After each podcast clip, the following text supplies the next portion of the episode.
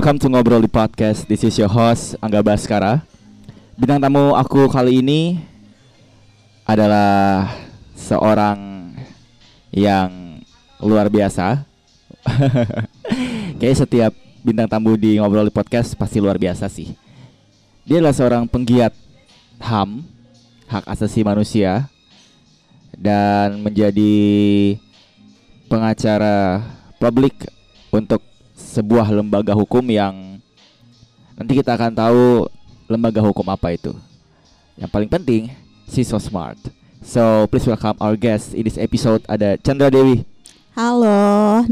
Apa kabar? Kenalkan baik pastinya karena uh, siang hari ini diundang oleh Baskara buat ngobrol di podcast. Mm-hmm. Uh, perkenalkan nama saya Diputu Chandra Dewi, biasa dipanggil Chandra. Uh-uh.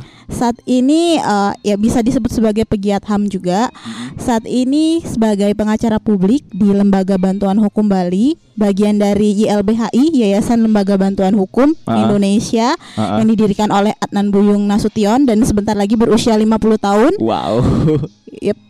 Jadi eh, yang tertua di Indonesia. Uh-uh. Eh, dan selain itu beberapa eh, kegiatan atau aktivitas saya di HAM yang lain adalah sebagai duta cerita Uh-uh. dari The Habibie Center, sebuah eh, think tank yang didirikan oleh Presiden Indonesia kita yang baru saja wafat beberapa bulan lalu. Lebih berfokus terhadap eh, proses demokratisasi seperti konsen eh, Pak Habibie sendiri. Kemudian saya juga mendirikan eh, program beasiswa bernama Bumi Setara dengan tiga teman saya sejak tahun 2016. Oke. Bedanya program beasiswa ini ditujukan khusus untuk anak-anak difabel. Wow. Wah, kocak ya. Luar keren banget nih. Belum disuruh eh, perkenalan udah kayaknya emang jiwa-jiwanya emang wah, keren keren keren. Tapi Chandra, eh itu kan biografi kamu ya secara latar belakang. Pertanyaan yang paling bikin aku penasaran adalah kenapa akhirnya terjun ke pegiat HAM atau terjun menjadi pegiat HAM karena kita tahu bahwa nggak mudah untuk eh, mengurus si hak asasi ini gitu. Even semua orang tahu bahwa semua orang lahir dengan hak yang sama dan setara, tapi semua belum mendapatkan hak yang sama dan setara juga gitu. Kenapa akhirnya bergiat di sini? Hmm, Kalau di flashback lagi, bahkan mungkin dari zaman kuliah ya. Oke, itu tahun berapa sih? Kuliah eh, aku 2009, angkatan 2009. Jadi ada banyak kegiatan-kegiatan atau hal-hal kecil yang leading kita sampai ke hari ini. Hmm. Salah satunya adalah aku bergiat di pers mahasiswa. Oke. Kalau di Udayana, pers mahasiswa akademika. Itu 2009. Sejak du- Sejak- eh, sejak, sejak- mahasiswa, iya, sejak mahasiswa, ketika ah. masih kuliah aktif, eh, mulai kurang keaktifannya ketika kita sibuk skripsi kan. Mm-mm. Wajar lah Dan ya. yang membedakan mungkin dengan UKM UKM lain karena eh, pers mahasiswa sudah pasti progresif dan kita punya banyak pembahasan dan isu-isu termasuk isu aktual di Bali Oke. yang berkaitan dengan pelayanan publik misalnya dan ujung-ujungnya ya eh, hak asasi manusia itu sendiri. Jadi lebih banyak punya akses pengetahuan ke sana. Bahkan bisa dikatakan double degree mungkin selain hukum juga eh, sarjana pers akademika. Ah, Kemudian eh, leading sosial lagi politik juga bisa ya. eh, sosial politik kalau di akademika atau gimana?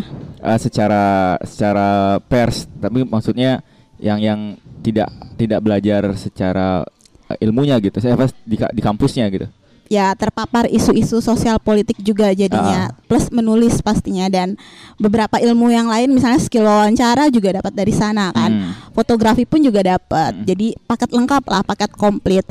Kemudian ketika skripsi oke eh, aku mengangkat mengenai isu keterbukaan informasi publik. Mm-mm. dan eh, isu ini ya bagian dari hak asasi manusia juga salah satu eh, undang-undang yang progresif pada pada masanya yang waktu itu banyak diadvokasi oleh aktivis-aktivis untuk ada nih undang-undang ini dan memang toolsnya sudah dipakai juga oleh banyak eh, teman-teman LSM atau NGO untuk Mm-mm. mendapatkan keterbukaan informasi pada beberapa eh, kasus atau beberapa eh, persoalan tertentu. Waktu itu eh, karena di Bali, di Bali sebenarnya ada komisinya di Renon. Oke. Tapi aku penelitiannya langsung di Jakarta. Oh. Itu tahun berapa sih? Tahun tahu Chan? 2013. 2013. Ya. Dan ke Jakarta. Ya, ke Jakarta sekitar dua minggu kurang karena Ah, sampai hari ini setauku masih di daerah Tanah Tanah Abang di Jakarta Pusat Ah. kantornya Komisi Informasi Publik. Komisi Informasi Publik. Nah, eh, dari pers mahasiswa tamat dari Udayana, kemudian langsung menuju Lembaga Bantuan Hukum Bali atau ada journey-nya dulu nih sebelum kamu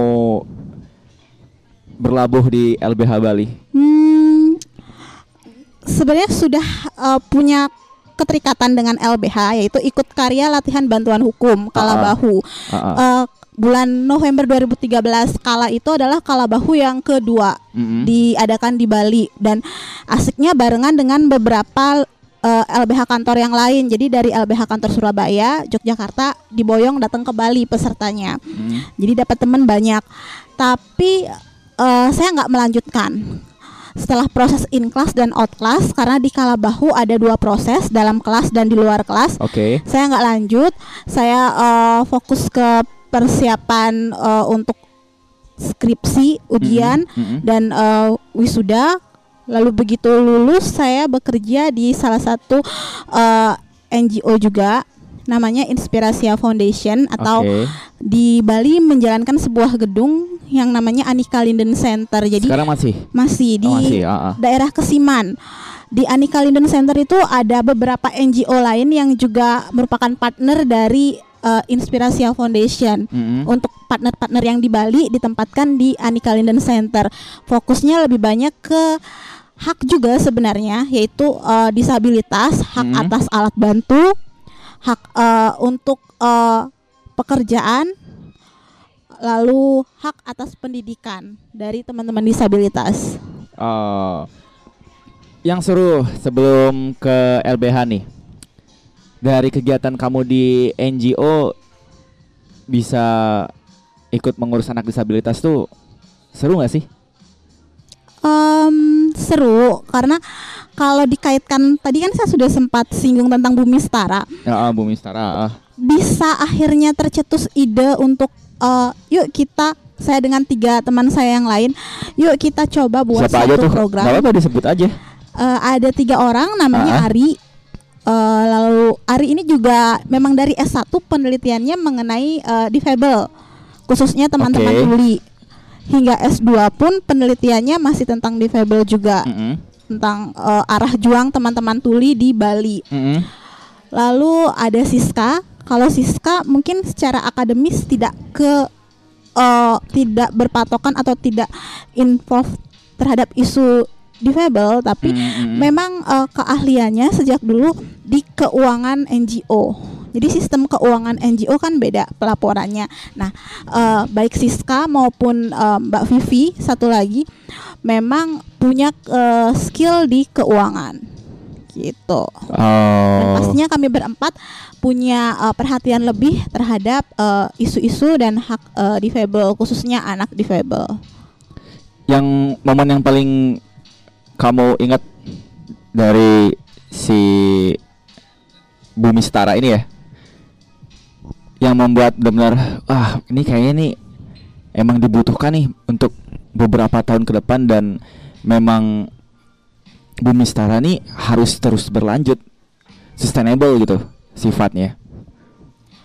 Momen kenapa uh, kalau aku aku ya nggak bisa tahu kalau kalau Ah, ya, aku, ya, ya. aku Ah, pribadi secara merasa, Chandra gitu. uh, Bumi Setara harus ada dan terus berlanjut karena orang banyak yang ngomongin tentang hak atas akses pekerjaan terhadap difabel banyak Hmm. banget ada Hmm. banyak lembaga yang berbasis di Bali banyak kalau aku Hmm. boleh sebut mungkin teman-teman nanti bisa search ada di Faling Mm-mm. itu startup social entrepreneurship lalu ada di network atau kalau yang basisnya di luar Bali ada kerjabilitas tapi eh, nggak banyak yang punya fokus terhadap anak-anak padahal eh, anak-anak difabel itu ya jumlahnya juga banyak dan suatu saat mereka akan dewasa akan lebih baik kalau akses terhadap pendidikannya kita uh, pastikan dari sekarang lewat Hmm. beasiswa karena memang anak-anak difabel jauh lebih rentan daripada anak-anak. Anak-anak aja udah rentan nih. Anak-anak adalah kelompok uh, rentan yang harus dilindungi di Hmm. dalam uh, hak asasi manusia. Anak-anak dan difabel. Sekarang bayangkan kalau anak difabel itu double kerentanannya dan memang uh, lebih banyak terpapar kemiskinan dibandingkan uh, kelompok rentan lainnya. Dan ini sama Bumi Setara bakal di cover dari awal, dari awal benar-benar sekolah sampai mendapatkan pekerjaan atau cuma di lingkup pendidikan aja nih. Karena kan kita bicara kalau kita bicara uh, difabel di be- beberapa tahun ke belakang udah banyak perusahaan-perusahaan yang yang mulai memperkerjakan teman-teman difabel. Ada gerai-gerai makanan juga yang yang yang memperkerjakan teman-teman difabel juga gitu sehingga uh, meratalah untuk hak mendapatkan pekerjaan. Nah, dari Bumi Setara ini kira-kira akan menggaransi pendidikan sampai mendapatkan kerja pekerjaan atau cuma pendidikan aja yang memang yang memang berjenjang 12 tahun SD sampai SMA? Jadi gini, Bumi Setara ini baru dari ma Mei Mei sorry. 11 Mei 2016 walaupun oke. persiapannya dari akhir 2015 Ah, jadi sebagai sebuah inisiatif sosial masih muda banget. Hmm. bahkan kami belum memutuskan untuk menjadi badan hukum apa nih bentuknya apakah yayasan atau perkumpulan. Itu Hmm. masih kami pikirkan hingga hari ini. Dan fokusnya memang masih di anak-anak sih. Nanti kalaupun eh, ada yang misalnya dia berbakat, punya potensi lebih, itulah kegunaan networking. Kita kan punya networking dengan berbagai lembaga lain yang punya eh, konsen serupa di eh, isu difabel atau disabilitas. Mungkin bisa disambungkan ke sana. Tapi untuk saat ini grand design-nya pun memang lebih ke anak-anak. Anak-anak dengan disabilitas. Berarti untuk pendidikannya lebih ke arah mana nih? Eh, dari TK sudah dibantu SD, SMP, SMA atau cuma di beberapa jenjang aja? TK dan SD. TK dan SD.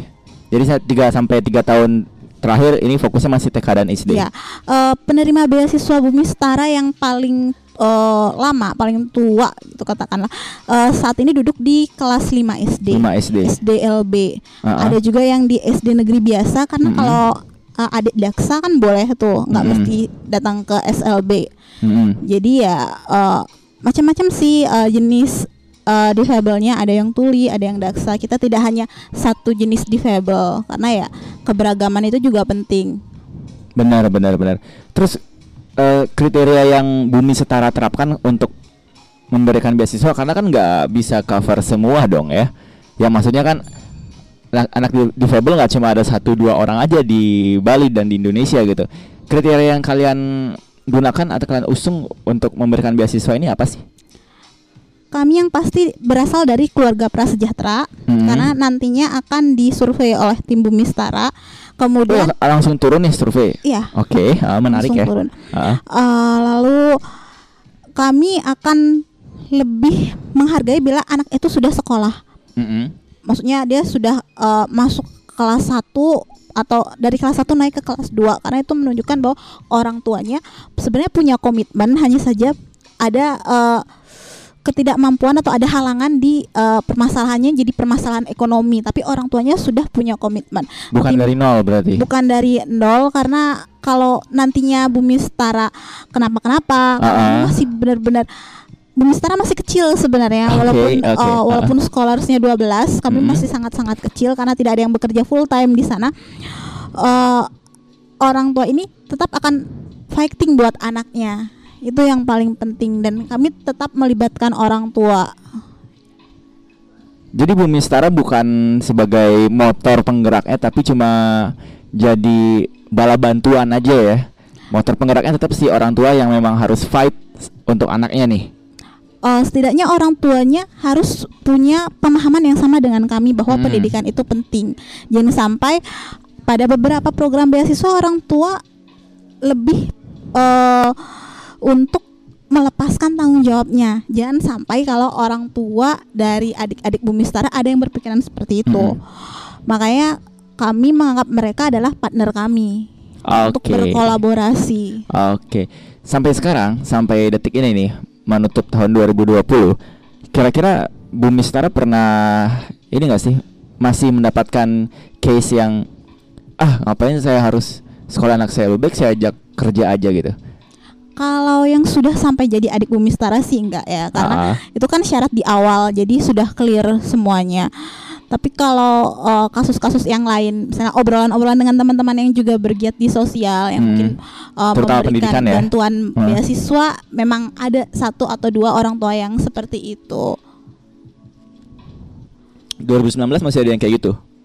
2019, 2018 masih ada yang pola pikirnya lebih ke charity. Mm-mm. Makanya kalau Bumi Setara sebenarnya pemahamannya ini bukan charity. Kalau charity kan sekedar memberikan atau waktu kalau kita masih anak-anak kita datang ke eh, panti asuhan ulang tahun hore-hore memberikan. Dan Benar. yang diberikan juga terbiasa untuk tangannya di bawah. Tapi Mm-mm. kalau ini Menunggu enggak, ya? kita memberdayakan. Pendidikan itu adalah toolsnya untuk suatu saat nanti dia bisa berdaya, membantu Mm-mm. dirinya, membantu Mm-mm. keluarganya, Mm-mm. dan bukan tidak mungkin menolong orang lain. Benar. Oh, Oke. Yang mau yang membuat pola pikir tersebut masih ada nih sampai sekarang, sampai era modern. Padahal udah banyak banget ada bala bantuan dari berbagai lembaga baik yang pemerintah maupun non pemerintah. Itu apa sih sebenarnya? Ada banyak faktor sih. Mm-mm. Selain Jadi- kemiskinan nih, kalau kita bicara karena faktor kemiskinan itu udah lumrah banget ya, udah wajar banget nih. Selain kemiskinan?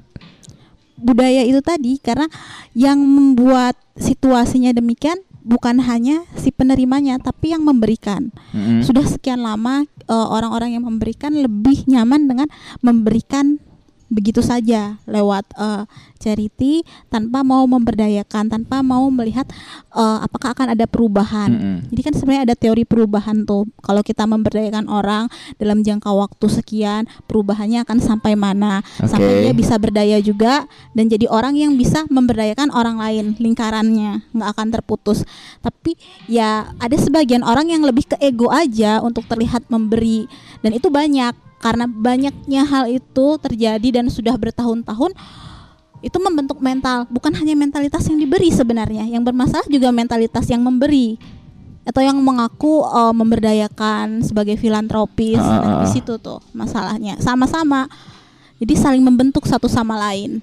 Oke, kultur ya. iya. Kulturnya yang satu dia ngasih, dia memberi tapi nggak mau tahu ke mana jalan founding rise-nya. Eh, si uang ini yang satu tinggal nerima ya udah terima aja gitu. Tanpa harus tahu uang ini sebenarnya digunakan untuk apa sih. tahu pun juga nggak cukup. Ah, karena harus ada rencana perencanaan Heeh. eh, dari program ini akan menghasilkan apa yang pastinya membuat orang itu tidak terus bergantung. Itu poinnya. Karena kalaupun eh, transparan adanya transparansi tapi hanya sekedar untuk membeli barang-barang konsumsi Mm. bagi eh, penerima bantuan ya tahun depan juga dia tetap mengharapkan bantuan lagi dong dari pihak tersebut ataupun dari pihak yang lain gitu. Jadinya terus berpangku tangan. iya Iya. Wah, yang namanya berharap emang nggak bagus-bagus terus ya. Dia jangan ber- berharap yang berlebihan sih. Apalagi menggantungkan harapan di orang lain itu bahaya. Oke, eh, shout out to kemarin kita baru aja merayakan Hari HAM ya. Yep. Ah. tanggal 10, 10 Desember. 2019. Balik ke personal kamu sebagai pengacara publik dan juga penggiat HAM setelah apa yang kamu lalui bersama Bumi Setara sampai sekarang. HAM di Indonesia secara general dari kacamata Chandra Dewi di tahun ini deh. Bagaimana? HAM secara general. Tahun dulu, baru ini- menghusus gitu. Di tahun ini, di tahun yang sebelum-sebelumnya bahkan mungkin 2018, 2017 sudah kelihatan sih HAM hanya sebagai alat kalau yang doang ya? lihat Hah? sebagai alat dari sekelompok orang Oknum. katakanlah politisi bukan Ah, ah. oknum Oh, lagi bukan oknum. politisi, Politisi. untuk gain power mereka, elektabilitasnya mereka. Perhatiin deh kalau misalnya musim eh, kampanye, banyak orang yang mendadak jadi eh, pembela HAM Pahlawan. ya pahlawan jadi pembela HAM jadi orang yang dia mau eh, mengorbankan apa pun agar eh, HAM bisa tegak di negeri ini Mm-mm. padahal ya yang harusnya ditegakkan itu hukum kalau HAM bukan bukan masalah tegak lagi tapi HAM itu memang sudah melekat pada diri kita tinggal bagaimana pemerintah negara lalu lewat eh, aparat eh, menghormatinya eh, menghargai memenuhi dan melindungi HAM tersebut kepada masyarakat Mm-mm. kepada manusia, Hmm. kepada kelompok sipil.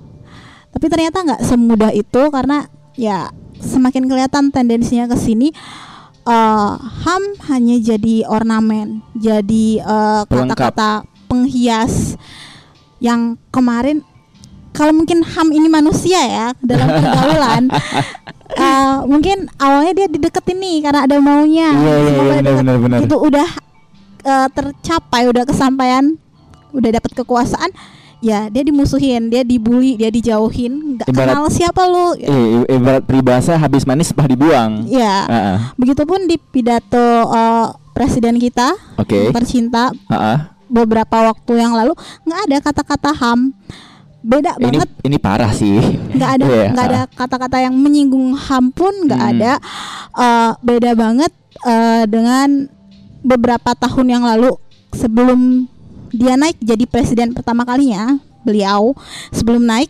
ya dia selalu bilang bahwa salah satu eh, komitmennya adalah pada penghormatan ham Mm-mm. bagaimana eh, penyelesaian kasus-kasus ham masa lalu Mm-mm. bagaimana untuk eh, menegakkan hukum atas pelanggaran-pelanggaran HAM yang terjadi. Mm-mm.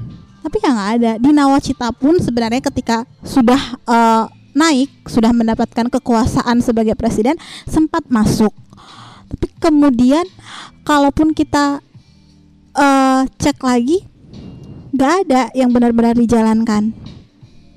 Kalaupun dijalankan, yang masih korelasinya dengan HAM, oke, misalnya orang bilang eh, pemerintahan kita kali ini punya punya concern yang baik terhadap isu disabilitas Oke, ah, ah. Eh, difabel. Ada Hmm. Mbak Angki yang jadi staf khususnya juga eh, seorang eh, tunarungu. Dia Ya. lebih memilih disebut tunarungu. Eh, lalu ya memang benar, tapi itu HAM yang konteksnya eh, memang soft, memang eh, bagus untuk ditampilkan Dan bahkan sudah sewajarnya gitu. dan memang sudah sewajarnya begitu. Karena tapi memang sama-sama dapat hak ketenaga, ketenaga kerjaan yang tadi kamu bilang ya. Iya, dan dari dulu pun sebenarnya sudah eh, tercantum di dalam eh, peraturan menteri. Ha-ha. Hanya saja nggak banyak yang aware berkat perjuangan teman-teman NGO yang konsen di eh, isu difabel Ha-ha. baru mulai itu diangkat lagi. Dan perusahaan-perusahaan pun banyak yang aware sama isu ini karena kalau kita mau realistis hal itu bagus untuk mengangkat citranya Iya, iya benar-benar. pemerintah juga kenapa aware bagus untuk mengangkat citranya tapi belum sampai ke akar rumput semua hal terkait eh, penegakan eh, hukum lalu bagaimana ham benar-benar eh, dihormati Mm, mm, mm. dilindungi Mm-mm. itu belum sampai ke akar rumput sih Jadi masih sekedar brand image aja ya. ya, Ya. masih sampiran Citra lah ya. citra Citra palsu. Nah, terus yang membuat kasus-kasus HAM ini menjadi sebuah polemik yang sulit banget diselesaikan dan bisa dibilang apa yang dilakukan oleh pemerintah itu adalah lagu lama gitu dalam menanggulangi uh, permasalahan HAM. Itu gimana? kompleks ya Heeh. apalagi kalau kaitannya dengan yang masa lalu masa lalu Wah itu jangan ditanya itu parah banget sih. yang paling menyakitkan adalah orang-orang tersebut masuk nih ke lingkar kekuasaan saat ini semua dapat bagian Heeh. dengan dengan tugasnya masing-masing Mm-mm. Eh, kita mendapati kenyataan bahwa kasusnya tidak diselesaikan saja sudah sangat menyakitkan kita Mm-mm. eh, terutama kelompok masyarakat sipil ya LSM itu harus diakui pada masa eh, Presiden Joko Widodo naik yang pertama kalinya sangat banyak membantu Oke. karena alasannya adalah dibanding lawannya. Tapi apa yang terjadi ketika dia naik untuk kedua kalinya? Nah, Lawannya kemudian menjadi menterinya. iya pertahanan. Kocak Kanan sih. pula. Ini benar-benar eh, mungkin membuat kalau dibilang sakit hati pasti ada sakit hati karena eh, rival si presiden kita itu juga dalang dan aktor dari beberapa kasus HAM di Indonesia. Jadi sebenarnya nggak ada si A lawan si B atau dalam hal ini Joko Widodo melawan Prabowo nggak ada. Ah. Mereka sama. Yang ada adalah kita masyarakat sipil bersatu bersolidaritas untuk yang merebut hak-hak kita. Jadi selama ini ya banyak banget teman-temanku yang jadi bucin istilahnya budak cinta kalau bucinnya ada yang bilang bucin dalam relasi personal ini lebih parah lagi bucin politik setahun lebih karena pemilihan umum bayangkan Jatuhnya udah kayak mabok agama ya. ya itu juga mabok alkohol, mabok cinta, terus naik level lagi mabok agama nih mabok politik. Bahaya sih. Itu udah udah kayak bisa bikin perpecahan bangsa ya. Iya, Hebat banget. Ini bisa dikatakan eh, pembohongan publik nggak sih yang udah dilakukan? Sebenarnya bukan pembohongan publik sih hanya saja orang-orang tidak aware bahwa politik itu begitu Heeh. politik begitu istana pun eh, dengan ada salah satu eh, menteri kita nggak usah disebut namanya yang statement di beberapa media itu membuat saya semakin yakin bahwa profesor pun Oh, aku aku eh, aku tahu aku tahu. masuk ke lingkar istana bisa mendadak jadi bego iya iya iya. Ini apalagi hanya mantan eh, hakim MK Ah, ah, ini harus diperjelas ya. Jadi katanya Mahmud MD Hmm?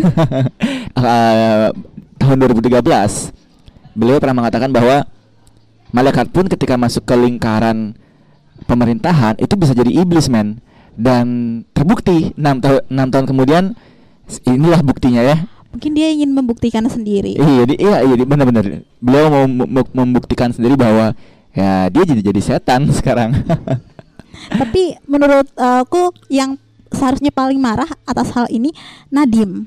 Mas Nadim Ah. sebagai Menteri Pendidikan. Harusnya Karena? marah sama istana. Loh orang pintar bisa mendadak bego. Oh iya, iya. ngapain dia kerja keluar buat akar rumput memperbaiki pendidikan Indonesia tapi istana bisa membegokan seseorang bisa menjadikan orang mendadak bego. Itu masalah pendidikan kan? Iya benar benar benar. Iya ya, baru kepikiran juga ya pendidikan istana karakter itu bisa apa. bisa menurunkan membuat seorang eh, Nadim yang udah bik, ya udah founder dan bikin up banyak kemajuan di Indonesia jadi wah turun dong ini ya eh, kualitasnya. Downgrade dong. Yang mana? Eh, dari Nadim masuk istana. Enggak sih kalau aku lihat kita lihat dulu ya. Kalau eh, kualitasnya Nadim karena ada beberapa gebrakan. Mm-mm. Tapi eh, yang pernyataan yang paling paling paling nggak bisa diterima adalah pernyataan dari eh, Pak Mahfud sendiri. iya Dan benar Kalau menurutku sih seorang Nadim mestinya cek tuh istana. Kenapa bisa orang pinter jadi mendadak bego? Itu kan bagian dari pekerjaannya sebagai Menteri iya Pendidikan. benar. Ah.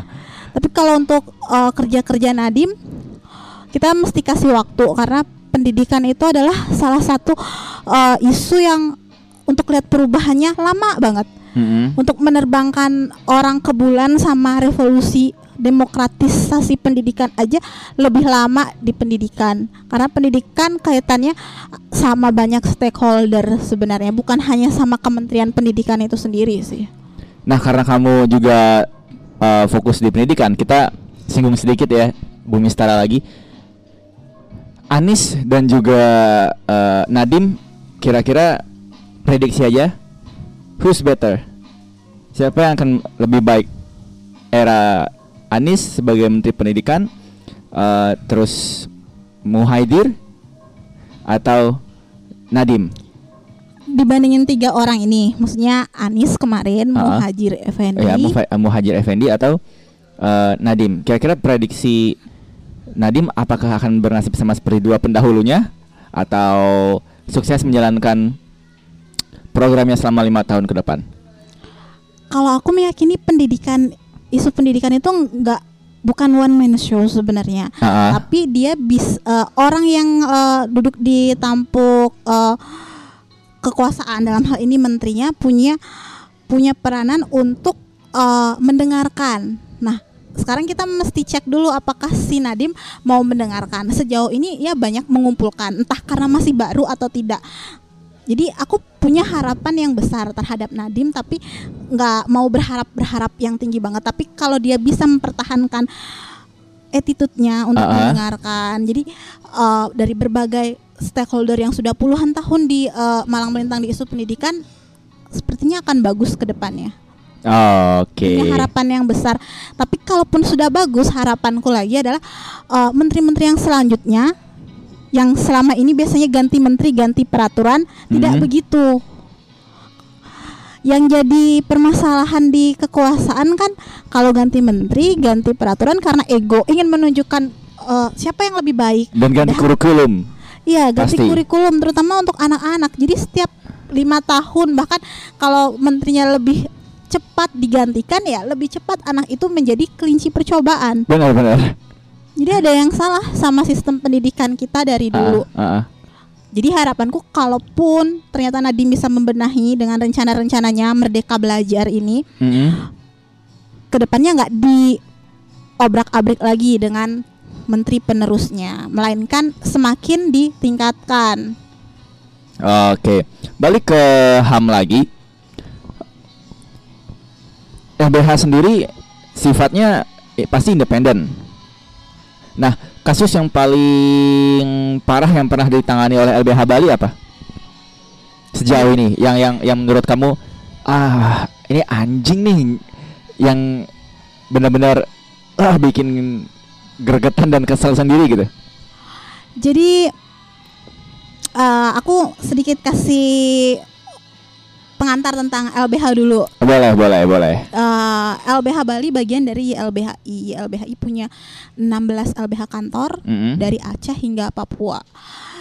Dan eh, fokus bantuan hukum kami dikenal sebagai bantuan hukum struktural. Oke. Yang membedakan dengan bantuan hukum konvensional atau bantuan hukum biasa, Mm-mm. bantuan hukum struktural ini punya tiga pilar. Yang pertama ya bantuan hukum, access to justice. Mm-mm. Lalu yang kedua legal empowerment. Itulah kenapa eh, menurutku setiap mengabdi bantuan hukum di eh, LBH kantor LBHI secara nggak langsung ya jadi jadi fasilitator, jadi pendidik juga, jadi pengajar juga, satu paket lengkap bahkan jadi peneliti juga. Wow. Kemudian yang ketiga eh, democration assessment atau penilaian demokrasi terhadap kehidupan berbangsa dan bernegara. Hmm. Jadi itu tiga pilarnya. Dan eh, kasus-kasus yang ditangani oleh tiap LBH kantor sudah pasti adalah kasus yang punya dimensi struktural, bukan hanya sekedar kasus si A dan si B ingin bercerai lalu datang ke LBH minta bantuan hukum. Itu enggak, itu bantuan hukum konvensional, bantuan hukum biasa. Dan bantuan hukum struktural pasti kaitannya dengan pelanggaran HAM.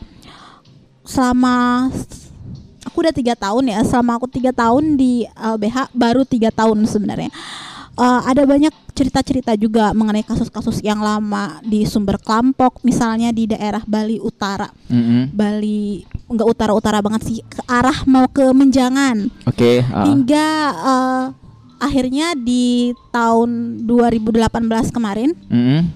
eh, LBH sebagai kuasa hukum dari warga dan kuasa hukum dari Greenpeace Indonesia juga Untuk PLTU ya? untuk eh, PLTU Iya. Batubara Cilukan Batubara, ah. Bawang yang digugat adalah izin lingkungannya ah. rencana eh, pendirian tahap yang kedua Hmm, dua hmm. kali 330 megawatt Oke. menurutku itu salah satu kasus HAM yang berat Ah, ah.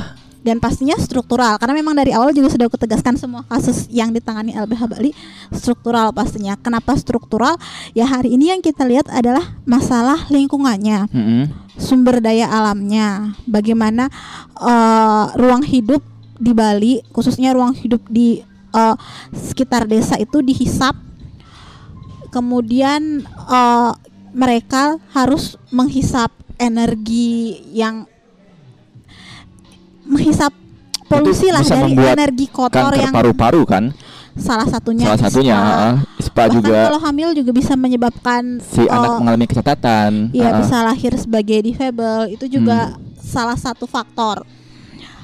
Tapi kalau kita lihat lagi lebih dalam lebih dekat isu-isu lain juga ada isu ketenaga kerjaan, kemudian isu macam-macam isunya di situ, isu pendidikan, lalu eh, keberagaman karena eh, Culukan Bongi unik ya, dia Hmm. 50-50 bukan Oke. hanya eh, masyarakat Hindu tapi juga ada masyarakat eh, Muslim.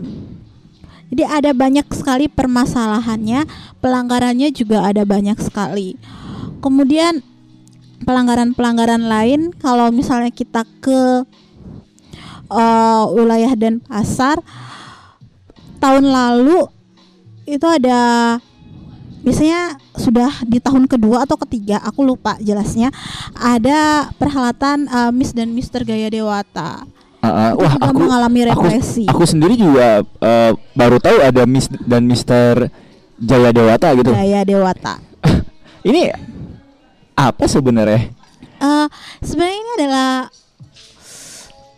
terobosan ya kalau Oke, aku ini modelnya sama kayak jegek bagus gitu ya? Terobosan edutainment. Ah, Jadi ya itu sisi tainmentnya, hiburannya. Tapi Mm.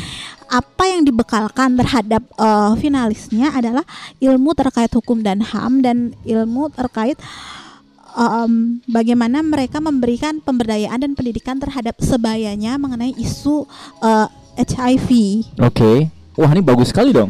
Iya, makanya edutainment dan orang-orang hanya melihat tainmentnya, kemudian orang-orang eh, yang kelompok yang langsung represif itu melihat bahwa wah ini adalah transgender nih, ini adalah gay nih, nggak bisa. Loh, kenapa bisa ke transgender dan juga gay? Kenapa bisa LGBT itu? Itu kan nggak make sense sekali sebenarnya.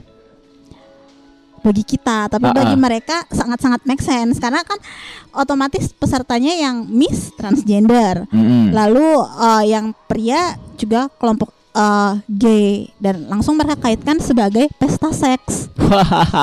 Padahal bukan Ih, pesta seks.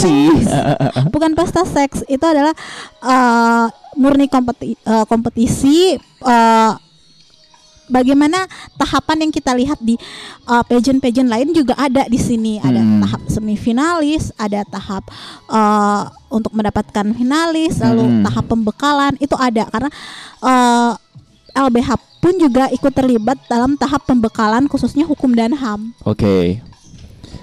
Dan ini banyak penentangnya nih si eh, Jaya Dewata ini. untuk Miss dan Mister Gaya Eh, Dewata Mister itu dan- lebih Mister dan banyak Miss di Jaya Dewata. medsos. Oh. Medsos dan ancamannya datang ke venue. Akhirnya venue membatalkan karena Wah, sayang banget dong. venue membatalkan karena nggak berani. Salah satu venue di daerah Denpasar Barat. Ini sebenarnya kalau eh, pihak pemerintah mendukung, ini bisa menjadi sebuah sarana dan juga bahan edukasi yang baru, media edukasi yang baru kan sebenarnya untuk teman-teman pemuda di Denpasar dan Bali pada umumnya gitu. Itulah mengapa. Tapi sebenarnya ya di Bali represinya nggak keras karena Ah. yang membuat eh, teman-teman pelaksana panitia pelaksana tertekan secara mental lebih ke media sosial yang diserang dari luar Bali. Banyak banget. Kalau yang di Bali ya orangnya sedikit langsung datang ke venue. Yang diancam venue akhirnya venue membatalkan. Itu persoalannya. Kalau Bali ya seperti yang sejauh ini kita lihat jauh lebih santai dan bisa menerima terhadap berbagai macam perbedaan. Termasuk perbedaan eh, ekspresi seksual Hmm. lalu eh, perbedaan preferensi Hmm. itu teman-teman di Bali memang eh, bukan karena saya tinggal di Bali ya tapi memang salut coba bandingkan dengan eh, beberapa daerah dan tadi kan eh, Baskara tanya kenapa pemerintah nggak justru eh, join aja kolaborasi ya kita lihat aja kalau ada pemilihan CPNS Oke. seleksi maksud saya seleksi ASN istilahnya sekarang Hmm. Eh, beberapa institusi bahkan mewajibkan untuk menjadikan persyaratan bahwa bukan LGBT. Lalu ada juga yang terang-terangan menulis tidak boleh bertato. Iya, itu udah Sangat- sempat jadi kan? polemik banget sih dan aku sempat lihat di Tirto uh, artikelnya itu enggak itu udah melanggar hak juga kan untuk mendapatkan pekerjaan karena. Ya orang bertato kan bu- uh, tidak mempengaruhi bagaimana kualitas kinerjanya dia di lapangan. itu sudah mendiskriminasi karena apa relevansinya antara integritas seseorang misalnya Mhm. dengan tato karena Ba- saya kenal orang yang dia akademisi sangat-sangat disegani aktif dan punya tato di eh, kaki di bagian bawah saya nggak tahu banyak yang tahu atau enggak atau ada yang punya tato di eh, punggung misalnya nggak kelihatan kan? Tapi orangnya sangat-sangat aktif akademisi juga. Jadi memang nggak ada relevansinya.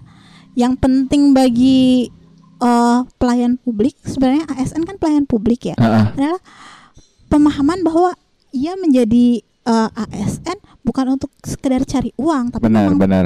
mau melayani publik dan bagaimana integritasnya ke depannya itu sebenarnya Karena dia tidak mau karena sudah banyak yang tidak mau melayani publik makanya namanya PNS, pegawai negeri santai. main apa Zuma ya Iya, waduh itu kacau sih. Nah, em shout out lagi ke PLTU Cilukan Bawang yang tadi kamu katakan berat banget. Ini benar-benar seberat itu ya? Karena kita tahu dari media dan sampai ada eh, video dokumentasinya sendiri yang aku waktu itu sempat nonton itu benar-benar parah sih. Yang awal cuma berdiri satu PLTU sampai akhirnya mau membangun yang kedua, udah banyak yang ngungsi, tapi masih ada yang bertahan. Nah, akhirnya sampai sekarang si PLTU ini gimana? Apakah uh, pembangunan yang PLTU yang kedua itu udah, udah dibatalkan atau masih lanjut? Cuma masih ada perlawanan nih. ya jadi mungkin nggak semua teman-teman update dengan eh, advokasi PLTU Batubara Colukan Nah, Bawang karena ini ya. penting kalau kalau itu harus uh, dikasih tahu sih kalau Iya. menurutku pribadi. Tapi buat pendengar kalau pengen update bisa follow Instagram LBH juga. Iya itu uh, LBH better than ini. underscore Bali. Ah, ah. Dan untuk perlawanannya sendiri di tingkat Mahkamah Agung Mm-mm. kita kalah kemarin Oh. beberapa bulan yang lalu. So sad. Iya. Tapi masih ada satu lagi, satu satu kesempatan Mm-mm. peninjauan kembali istilahnya. Di peninjauan kembali ini harus ditemukan novum atau bukti baru Mm-mm. dan teman-teman di 10 Desember kemarin LBH Bali sudah mengajukan PK peninjauan kembali. Jadi ya mohon update atau ikut mengawal eh, cari tahu atau ya kalau sesederhananya sebenarnya follow LBH Bali bisa juga Mhm. diaktifkan notifikasinya kalau kita posting sesuatu. Mm-mm. Jadi masuk notifikasinya ke eh, HP-nya teman-teman Mm-mm. lalu ikut kawal juga karena ini adalah benar-benar pertaruhan terakhir kita. Apakah eh, PLTU batubara yang dua kali 330 megawatt itu akan benar-benar berdiri atau tidak? Dan aku mau ajak teman-teman lihat persoalan PLTU batubara ini lebih luas lagi, bukan hanya sekedar di Bali, karena PLTU batubara berdiri di berbagai daerah di Indonesia Iya betul. eh ada juga di Ombilin, Mm-mm. PLTU Ombilin di Padang, lalu ada Mm-mm. di eh, Riau, ada juga Cirebon dan Indramayu. Dan PLTU adalah salah satu penyumbang terbesar untuk polusi udara di Indonesia di kota-kota besar. Mungkin Bali eh, kalau kita coba cek dengan air visual belum terlalu tinggi ya. Jadi ada ada Aku juga ada sih aplikasinya. ya ada warna-warna tertentunya sampai yang level tertinggi itu Ah. berbahaya udah hazard sih, Iya. itu udah kacau. level hazard itu udah bahaya banget sebenarnya di level yang di bawahnya hazard aja udah bahaya banget Mm-mm. yang ketiga aja udah bahaya banget dan yang eh, sehari harinya sampai di level ketiga itu adalah Jakarta Iya. Jakarta Selatan, Jakarta Pusat itu karena alatnya dipasang di situ. Bukan Ah, berarti Jakarta yang lain lebih baik. Benar, Yang Jakarta ah, yang ah. lain nggak dipasangin alat gitu kebetulan masalahnya. aja nggak ada ya alatnya. ya Ah, nggak ada ah. alatnya. Dan sebenarnya eh, tahun lalu saya nggak tahu masih aktif atau enggak alatnya di Bali juga dipasang di Ubud di Denpasar dan di Celukan Bawang Oke. ya kita nggak perlu menunggu sampai Bali jadi seperti Jakarta atau seperti kota-kota yang Kayaknya lain. udah on the way deh. Makanya perlawanan ini penting dan perlawanan ini bukan hanya perlawanan untuk di Bali aja tapi Ah. untuk Indonesia. Intinya adalah semua PLTU batubara ah, harus dihentikan. Mm-mm. Di Perlahan seluruh Indo ya. Ya, perlahan tapi pasti kita menuju ke sana. Mm-mm. Kalau alasannya adalah kita kan negara berkembang, kita negara berflower yang memang masih sangat-sangat memerlukan eh, energi murah gitu katanya, energi yang eh ya memang dia kotor tapi dia murah karena kita daya belinya hanya segitu. Mm-mm. Enggak, kita ini sebenarnya negara bukan negara berflower, kita negara berflores. Kita harus lebih memang kita punya banyak hutan kan. Kita Ah-ah. harus lebih aware, lebih menaruh perhatian terhadap lingkungan, terhadap ruang hidup karena kita cuma pinjam itu buat generasi kita yang ke depannya. Bayangkan kalau hari ini kondisinya begini, apakah yakin mau punya anak? Ini Atau kalaupun nggak punya anak, lihat anak tetangga, keponakan, kasihan loh. apakah yakin akan menikah? dan itu haknya mereka Heeh. ya anak-anak untuk punya ruang hidup yang layak Iya ke betul. depannya Oke. Nah, eh HAM dan kasus HAM ini pasti saling berkaitan satu sama lain ya. Kemarin di Bali kita baru aja melihat menyaksikan adanya sebuah pelanggaran HAM yang wah kacau banget sih.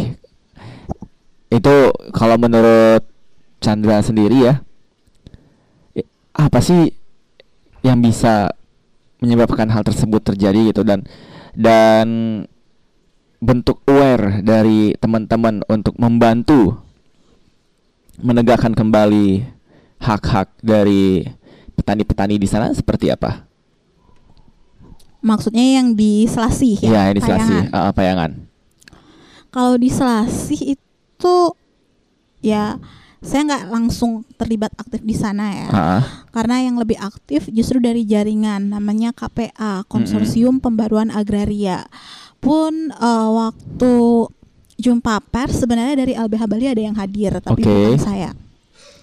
Eh, update yang saya dapatkan ya mereka dimediasi dimediasi oleh eh, ada de- anggota dewan mm-mm. dan ada senator juga lalu dengan beberapa Senator Aji ya, ya aji kita Aji Bali. ya sang raja Heeh.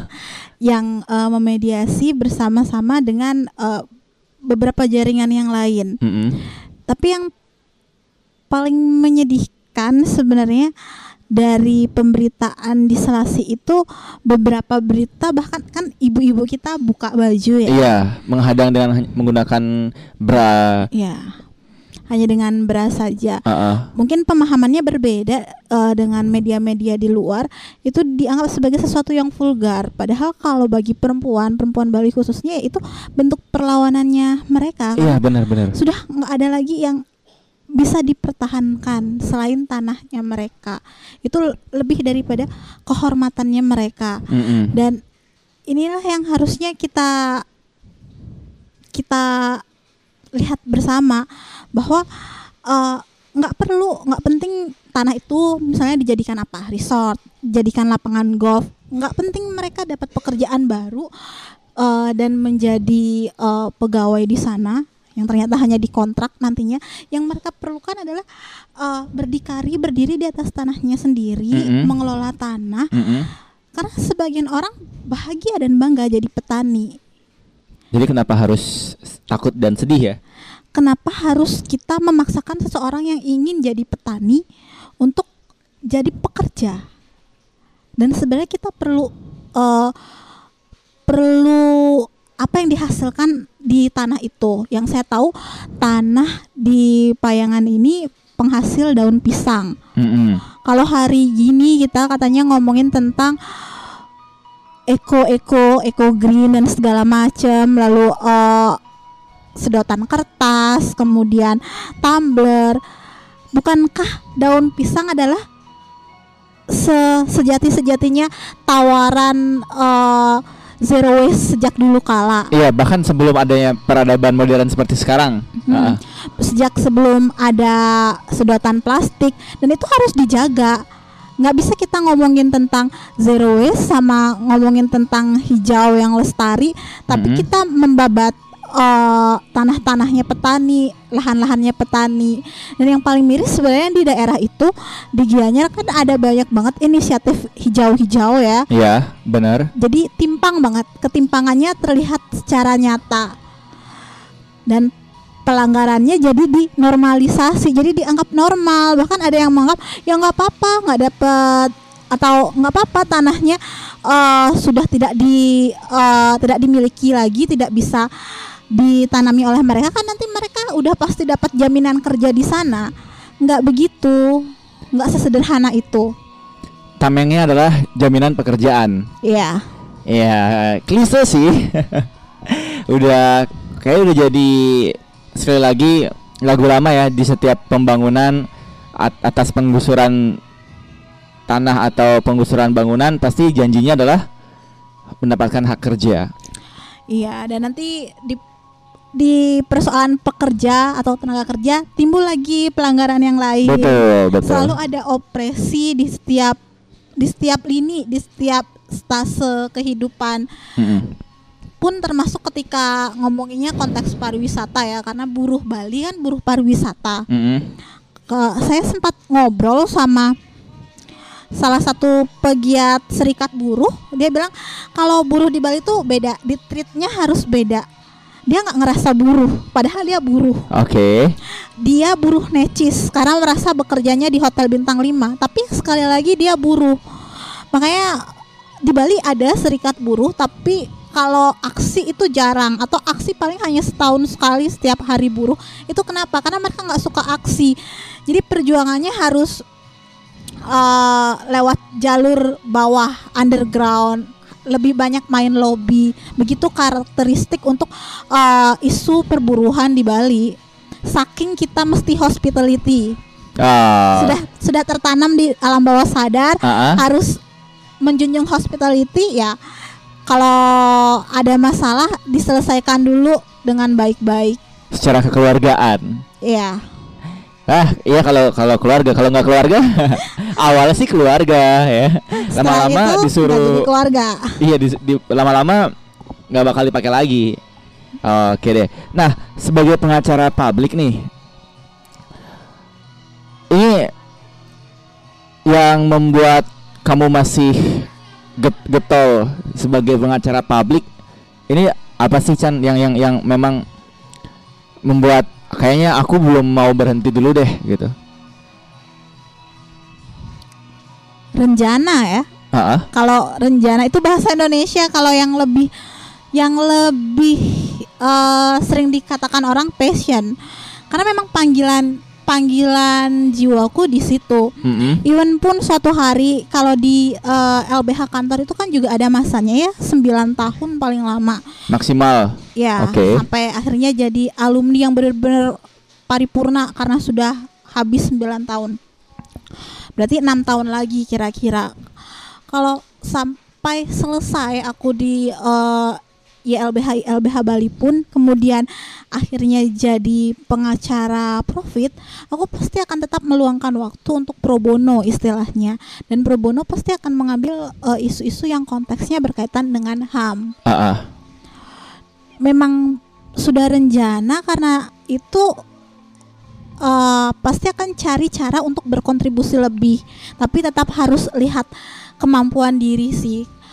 Makanya kenapa aku pun lebih memilih sekarang ada istilah aktivis istilah pegiat kalau aktivis sebenarnya bukan istilah yang asing bagi aku dari kuliah pun juga disebut misalnya aktivis benar. pers mahasiswa, aktivis eh, peradilan semu. Tapi semakin ke sini aku justru lebih suka dan lebih nyaman dengan kata pegiat. Kenapa ada kata giat di situ yang yang melambangkan dan selalu mengingatkan kita untuk bergiat dan gak hanya eh, mengerjakan sesuatu karena lembaga atau hanya di satu tempat bermanfaat semaksimal mungkin. Karena itulah kenapa aku ya masih akan terus di sini sih bukan bukan hanya konteksnya pada satu dua lembaga tapi akan mengusahakan yang terbaik dari diri sendiri apa pun yang bisa disumbangkan atau mungkin nantinya kolaborasi dengan uh, si A si B yang punya visi dan misi yang sama di HAM Ah, Oke. Terakhir, ini udah mau satu jam. nggak berasa ya? ya nggak terasa ya wow, ya, obrolan yang padat banget sama Chandra. Em, kasih advice dong buat teman-teman di luar yang nanti dengerin podcast ini. Bagaimana sih cara untuk lebih aware what must they are doing kepada hak dan HAM ini? Even mereka tidak turun ke jalan tapi setidaknya mereka tahu dan bisa melakukan hal yang berpengaruh dan berguna gitu. Meskipun mereka nggak turun ke jalan langsung. Gimana Aku orang yang percaya bahwa literasi itu kuncinya. Literasi kan kemampuan kita untuk terus belajar sepanjang hayat.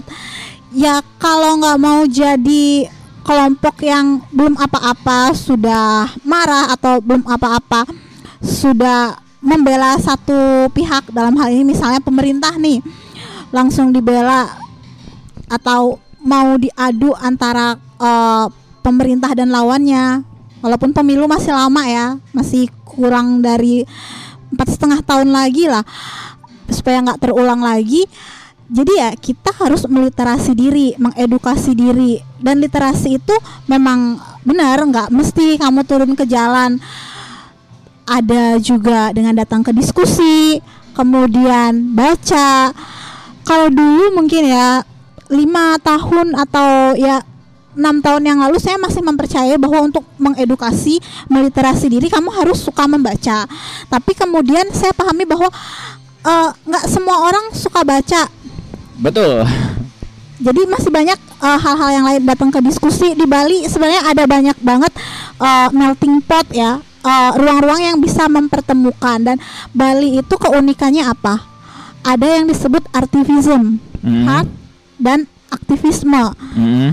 Jadi even datang ke sebuah pameran aja kalau misalnya eh, orang yang berkesenian atau senimannya punya eh, perspektif yang baik, kita bisa dapat sesuatu hal yang baru baik itu tentang gender atau tentang HAM.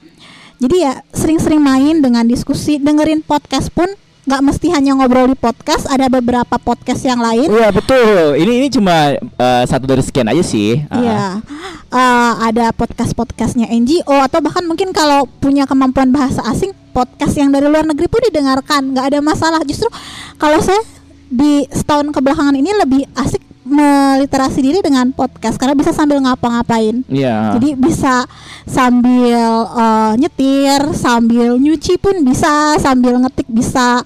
Ada banyak hal. Media sosial juga sebaiknya dikurasi. Dari eh, apa yang kita follow di media sosial itu membentuk eh, pemahaman kita tentang HAM. Tapi kalaupun mau datang aksi itu nggak masalah. Sekali-sekali coba datang aksi. Mungkin datang sendiri pun juga nggak masalah. Atau kalau punya teman lebih bagus lagi. Karena saya baru-baru ini sih baru beberapa hari yang lalu saya dengar saya punya eh, kenalan orang yang bergiat juga di sebuah isu yang saya juga bergiat di isu itu Ah, ah. tapi mungkin karena dia tipikal yang eh, konformis yang kompromi lah eh, pegiat yang kompromi dia membandingkan bahwa eh, susah nih anak muda kalau diajak membangun sebuah desa misalnya datang ke satu desa. Tapi kalau di eh, suruh aksi kritik pemerintah itu gampang.